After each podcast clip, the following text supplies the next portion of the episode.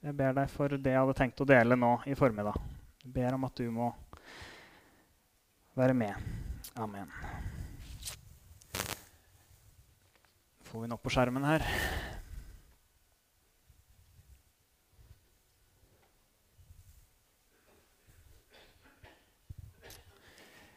Trosforsvaret var tema. Jeg skal begynne med å lese et sitat. I en jevn strøm har jeg møtt dem. Mennesker med bakgrunn i en forsamling og med trygg kristen oppvekst, som har forlatt den tro de en gang hadde. Enten med støyende eller og høylytt avstandtagen, eller mer vanlig gjennom stille å distansere seg fra kirken. Grunnene er mange, men ofte er den intellektuelle dimensjonen en merkbar del av prosessen. Noen har lest Richard Dawkins, den kjente nyateisten, og har ikke hatt noe å stille opp med mot de tilsynelatende overbevisende argumentene. Noen har sett en forelesning på YouTube om at Jesus ikke engang, ikke, ikke engang har eksistert, eller at evangelienes fortellinger er kopiert fra andre religioner. Og så føler man seg rundlurt av forsamlingen. Noen blir for første gang for alvor introdusert for hvordan naturvitenskapen beskriver livets opphav, og oppdager at de ut fra sin kristne tro ikke har noen verktøy å håndtere dette med. Troen blir som et korthus. Når støttene fra nære fellesskap i ungdomsgruppen eller på ungdomsklubben ikke lenger er der, og når familiens sosiale trykk fra oppveksten minsker, skal det ikke mer enn et vindpust til for at korthuset faller. Virker den? Ja. ja sitatet er fra eh, ei bok av Stefan Gustavsson, svensk forfatter, forkynner, nå redaktør ei kristen dagsavis. Er det noen som har tilsvarende erfaringer? Kanskje er det spesielt smertefullt for det det er noen en kjenner godt, noen kanskje i nær familie.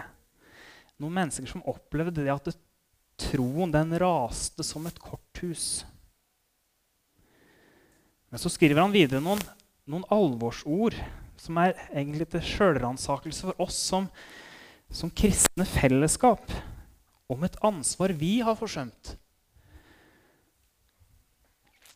Situasjonen er dobbelt alvorlig kristenfolket har gitt etter for presset fra den sekulære kulturen og samtidig ignorert eller fornektet Bibelens undervisning om trosforsvar og oppfordring til kamp for troen. Mangelen på trosforsvar har skapt en nesten pinlig intellektuell fattigdom i våre kirker og forsamlinger. I en gjennomsnittlig Han skriver om svenske forhold, men mye overførbart til norsk. I en gjennomsnittlig svensk forsamling dominerer en relativt høyt utdannet middelklasse. Der sitter lærere, sykepleiere, arkitekter, politi, jurister, ingeniører, datateknikere og økonomer. Mange har studert ved et universitet og er vant til å ta imot avansert informasjon på sine arbeidsplasser.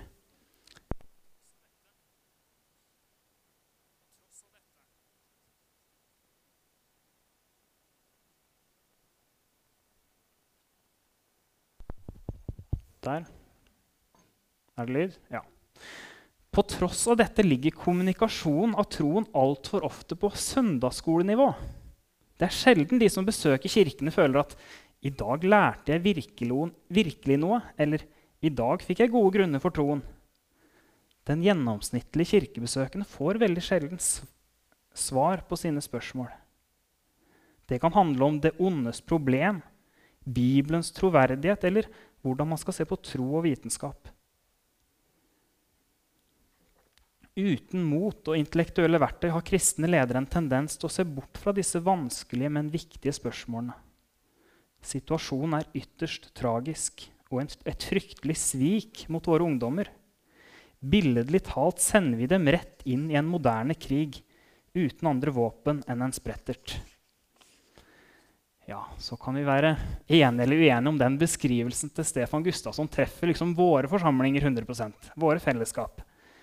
Men jeg syns han sier noe tankevekkende uansett om viktigheten av trosforsvar i dagens samfunn. Og han stiller noen utfordrende, men viktige spørsmål.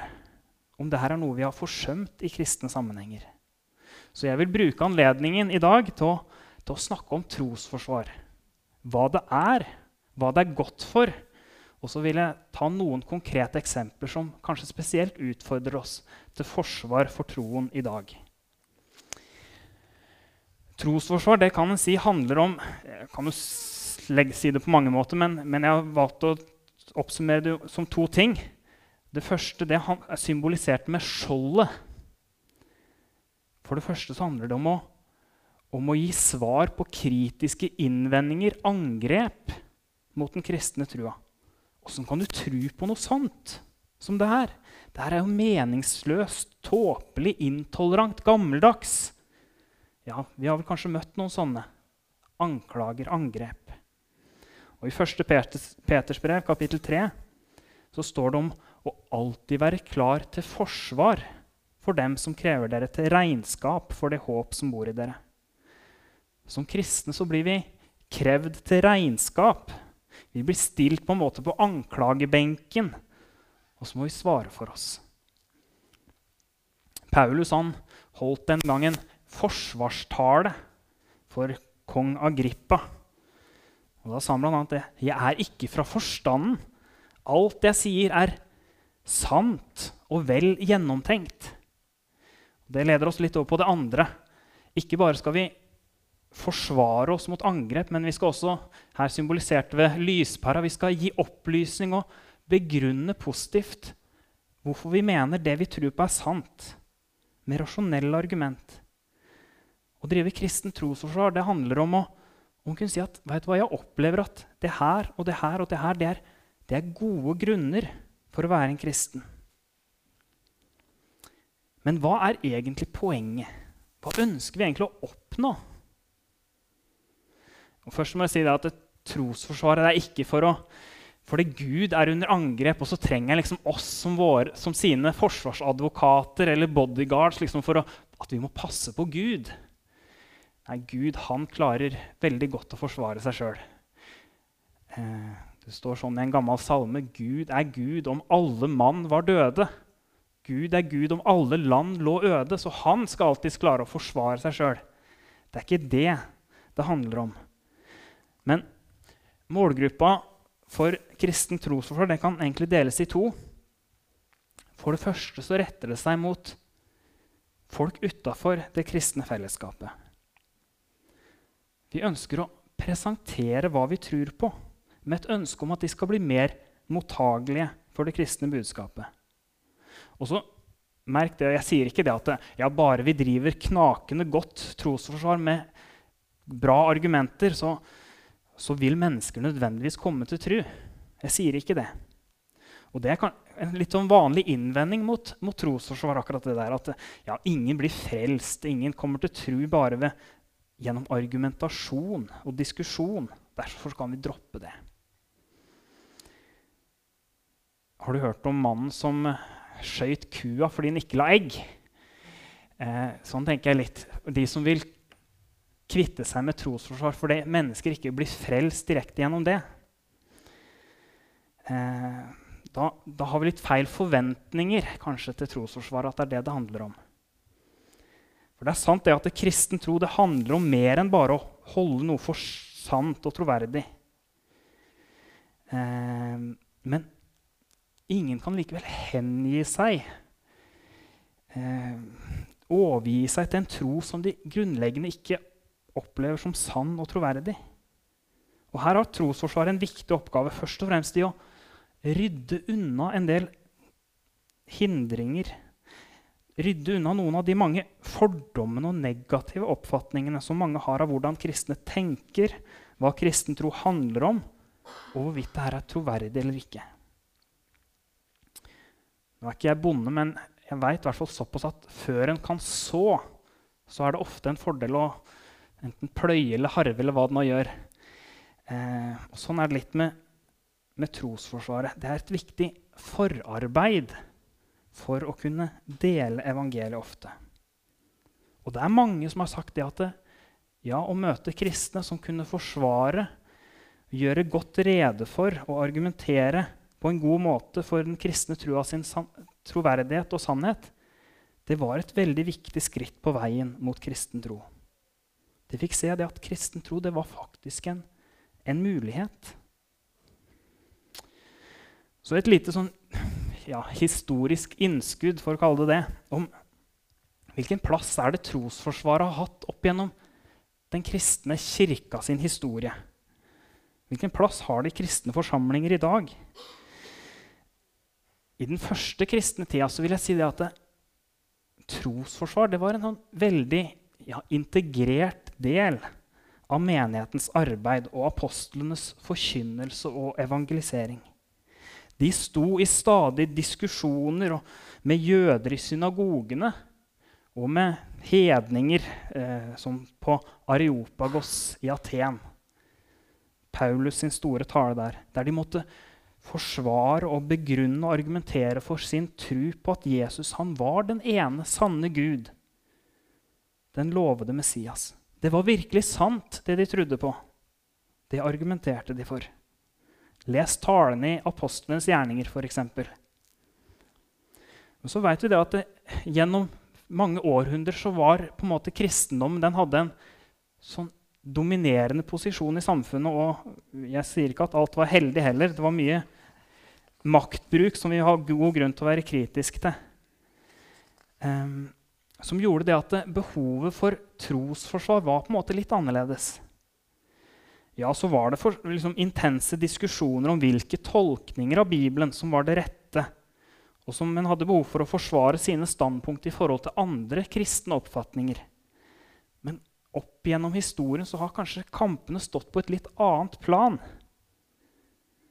Men nå, de seinere Ja, vi kan jo ta flere hundre år, for så vidt, men kanskje de siste tiåra spesielt, så har, så har med den stadig økende sekulariseringa så har situasjonen endra seg.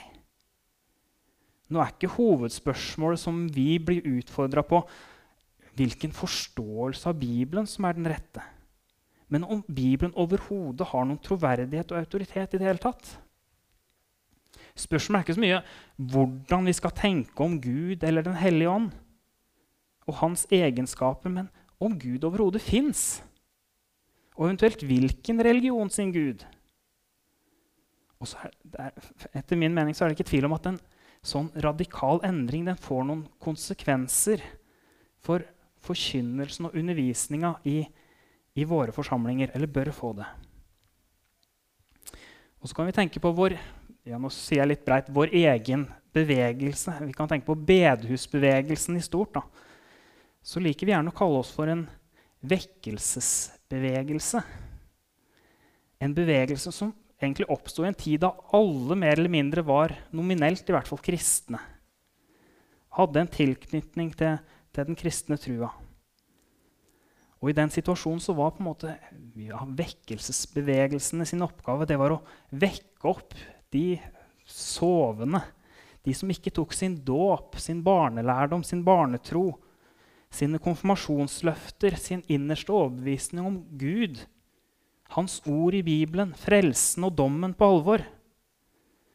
For innerst inne så hadde veldig mange en bevissthet om at dette jo var sant og rett. Og målet var å kalle de til omvendelse, til oppgjør med synd, og inn i et helhjerta liv i etterfølgelse av Jesus, inn til et kristent fellesskap. Gjennom å forkynne Guds ord, vekke de opp fra sløvhet og likegyldighet i forhold til det her. Mens i dag er situasjonen ganske annen. Eh, stadig flere er verken døpt eller konfirmert, og barnetro og barnelærdom er i alle tilfeller ofte minimal. Eh, og kristen tro er for mange maksimalt en, sånn, en kulturell arv. Noen overbevisning om at Gud overhodet fins eller at Bibelen er en viktig autoritet, er ofte helt fraværende. Og det her er holdninger som vi fòres med fra alle kanter. Eh, at kristen tro er latterlig gammeldags overtro. Og Det betyr at vi kanskje må begynne på et litt annet plan i møte med mennesker som ikke er en del av kristne fellesskap. Så min påstand er at vi må på en helt annen måte enn før begynne med å argumentere for å vise at kristen tro det er sann, det er troverdig, før vi kan forvente en, en meningsfull samtale og innbydelse til å vende om og følge Jesus. Det var et langt avsnitt om, om trosforsvar overfor ikke-troende. Men det er ikke bare mennesker utafor det kristne fellesskapet som er målgruppa for trosforsvar. Kanskje like viktig er trosforsvaret for oss som er kristne. Vi blir oppfordra i Bibelen til å elske Gud med hjerte, sjel og forstand. Og trosforsvar handler kanskje spesielt om den siste, om å elske Gud med vår forstand. Om å kunne på en måte omfavne trua med hele seg. Eh, også, der også det intellektuelle har sin plass. Og som nevnt så er det ikke mangel på stemmer rundt oss som vil på en måte komme med innvendinger og, og utfordrer vårt standpunkt. Og vi må ikke tro at vi som er en del av kristne fellesskap, er helt uberørt av alle de angrepa. Eh, og det å jobbe med de vanskelige spørsmåla og kunne begrunne for seg sjøl, ikke minst, hvorfor jeg mener det jeg tror på, faktisk er sant, det er viktigere enn på lenge, tror jeg. Det er noen undersøkelser som har blitt gjort som viser det at kristne på studiestedene spesielt skjuler sin tro i ganske skremmende stor grad. Og vi trenger vel ikke å gå lenger enn til oss sjøl for å kjenne oss igjen. Eh, men så har jeg tenkt kanskje skyldes no, noe av den her ja, blygheten at vi har resignert litt i møte med alle de her innvendingene. Vi har litt, i litt for stor grad stengt alle de her pinlige spørsmålene ute og sagt at det her trenger vi vel egentlig ikke å forholde oss til. Det var en som mente det at det, det vanligste svaret kristne hadde når de ble spurt om hvorfor de var kristne, det var eh, Ja, og det var det. Og Kanskje er det noe av grunnen også til at, til at kristen, eller tro det har blitt noe litt sånn privat greie. fordi og ikke noe som blir liksom tema rundt lunsjbordet. eller sånt, Fordi andre senser litt at vi, vi syns de spørsmålene her, blir litt nærgående og litt vanskelige. Og av høflighet så lar en være liksom å spørre om vår kristne tro. Så det er et behov, Vi har et behov for å utruste hverandre med gode svar. Både for at vi som kristne sjøl skal bli grunnfesta med mer solide røtter, men også for at vi kan gi gode, reflekterte svar til de som spør oss. Og for å være litt personlig å innse det at det, det er mulig å være kristen med hele seg. At den kristne tru, trua tåler å bli satt under et kritisk lys og ikke må aksepteres blindt uten å stille så mange kritiske spørsmål. Det har vært egentlig avgjørende for mitt trosliv. Å oppdage det at det er kristne innafor alle vitenskapelige disipliner som som kjenner de vanskelige spørsmåla til bunns og tar de på alvor, men likevel med trygg overbevisning og med sin faglige integritet i behold, likevel holder fast på sin kristne tro. Det har vært viktig for meg, og det er også viktig for mange andre, veit jeg.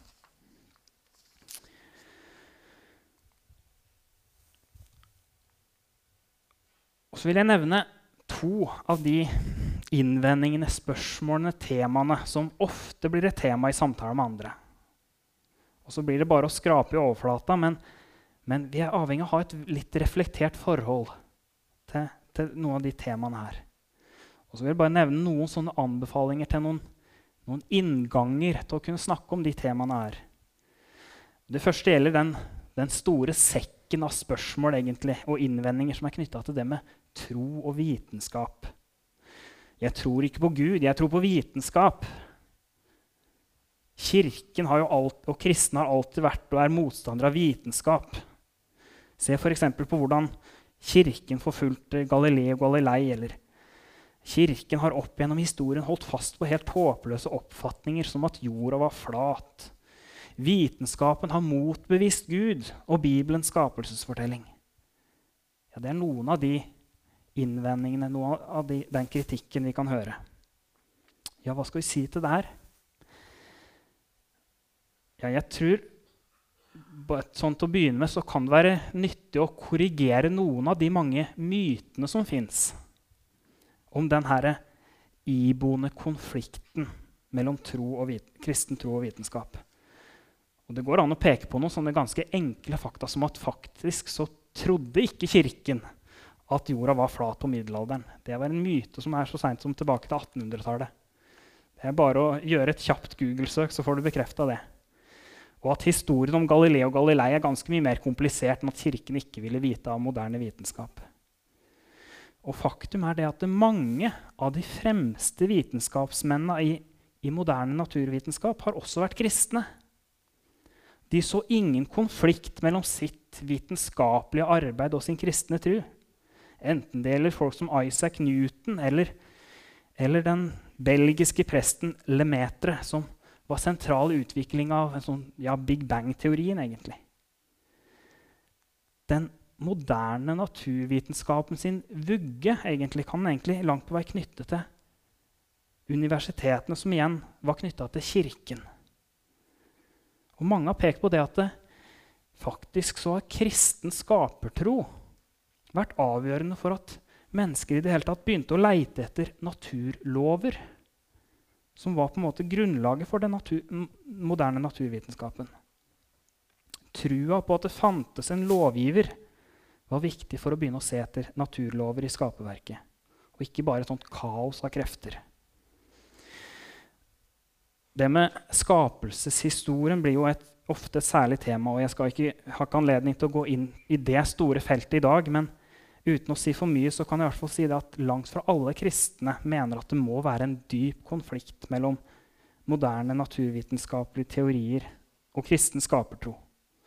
Så tror jeg at vi skal være forsiktige med altfor bastant kritikk av moderne naturvitenskap. Da beveger vi oss fort ut på dypt vann og inn i tekniske diskusjoner som vi neppe har veldig gode forutsetninger for å mene altfor mye om.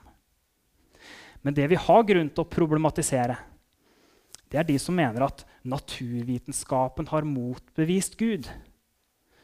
For sånne konklusjoner det er langt utafor det en naturvitenskapsmann kan svare på ut fra de verktøyene han har tilgjengelig. Og det er noe de, de fleste naturvitenskapsmenn sjøl er fullt klar over. Uansett hvor langt ut i universet de retter sin stjernekikkert, eller gransker DNA-molekyler eller fossiler, vil de aldri kunne trekke konklusjon ut fra det at Gud ikke finnes, og at han er universets skaper og herre. En historie fra egen hverdag eh, som handler litt om den konflikten mellom tro og vitenskap som mange opplever at er så enorm. Eh, I lunsjpausa var det ei som fortalte at hun hadde vært på et arrangement i studietida. Det er en astrofysiker som forska på ja, verdensrommet sine objekter og historie. Hvor han snakka om at han var en kristen og ikke hadde problemer med å kombinere sin kristne tru med sin naturvitenskapelige forskning. Og hun var opplagt veldig overraska over at det i det hele tatt gikk an. Ja, så jeg til de som sier at 'jeg tror ikke på Gud, jeg tror på vitenskap', så svarer jeg gjerne at nei, jeg ser ingen sånn grunn til å måtte velge mellom de to. Og jeg er i godt selskap med veldig mange. At den neste store sekken av spørsmål og innvendinger som mange har til kristen tro, gjelder jo etikken, den kristne etikken. Regler for rett og galt liv. Hva vi kristne kaller for synd.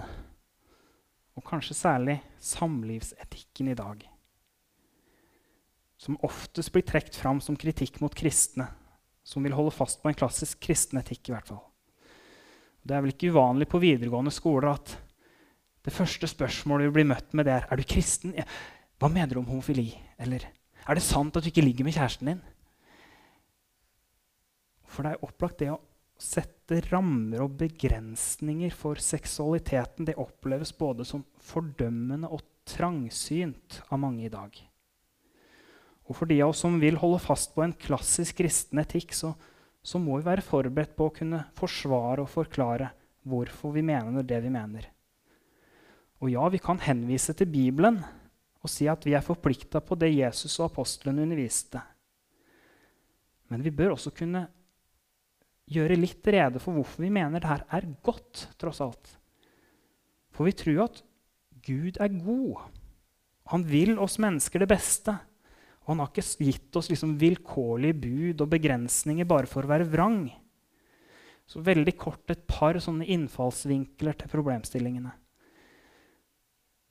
For det første så må vi prøve det å, å forklare de litt store linjene i det kristne menneskesynet som påvirker åssen vi tenker om kropp, kjønn, seksualitet.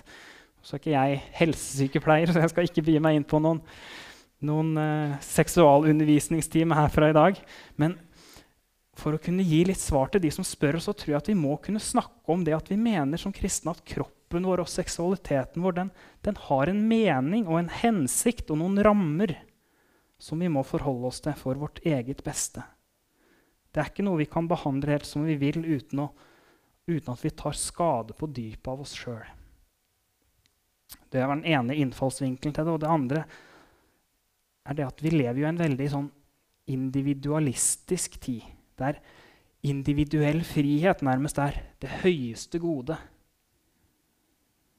Men som kristen, Og det å liksom sette begrensninger for den individuelle friheten blir ofte sett på som veldig, veldig negativt. Men som kristen så tenker jeg altså at vår individuelle frihet den, når det kommer til spørsmål om samliv særlig, den må faktisk ofte begrenses av hensyn til andre.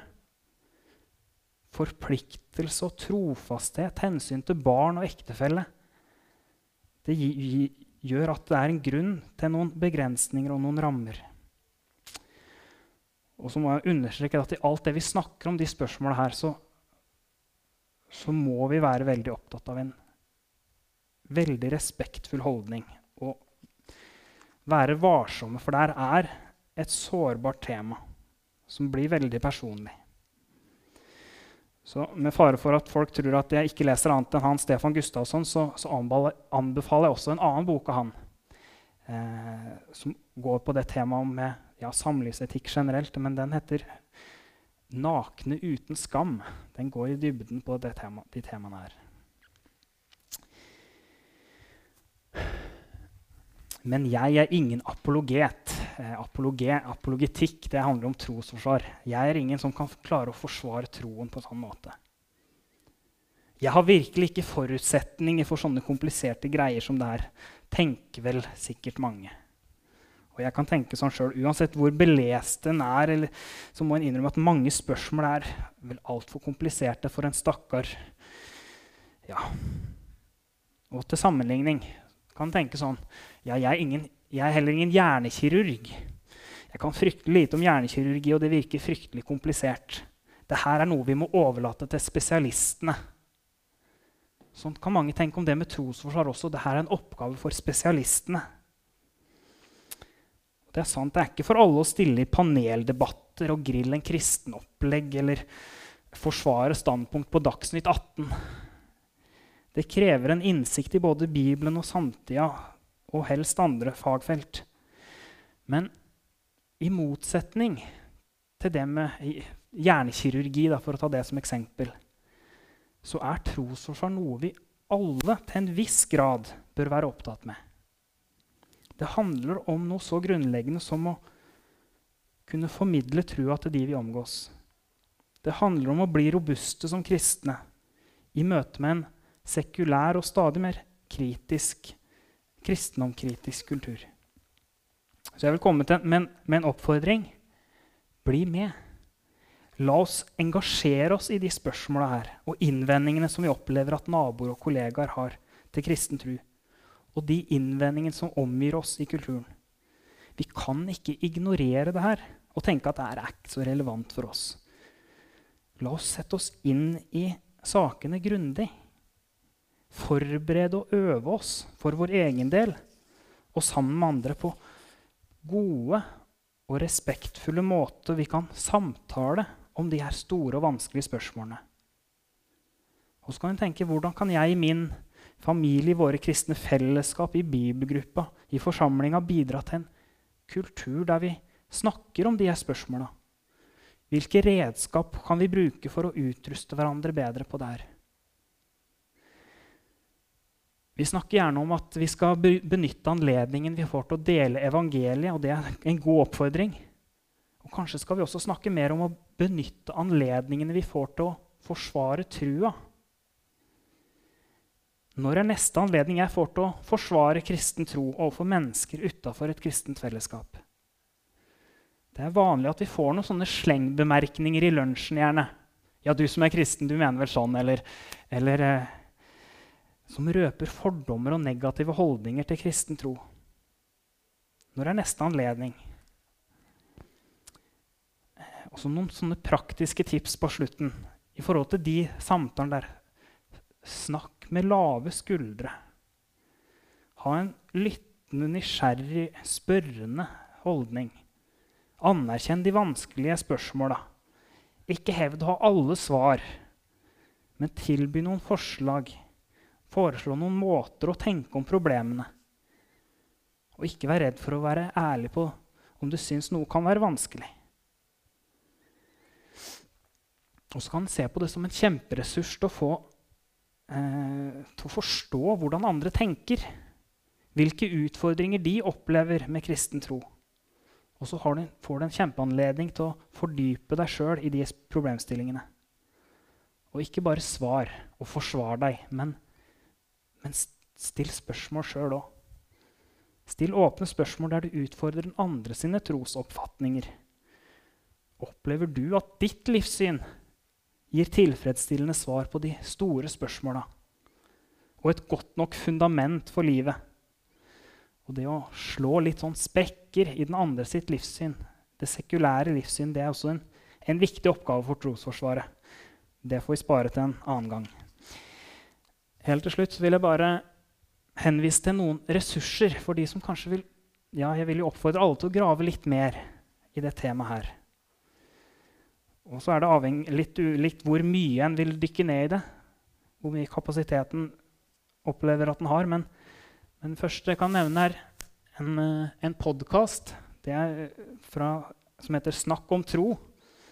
Utgitt av et, noe som heter Damaris Norge, som er veldig opptatt av tematikken. Mye bra der. Laget vet vi driver veldig mye bra skole- og studentarbeid. De har bl.a.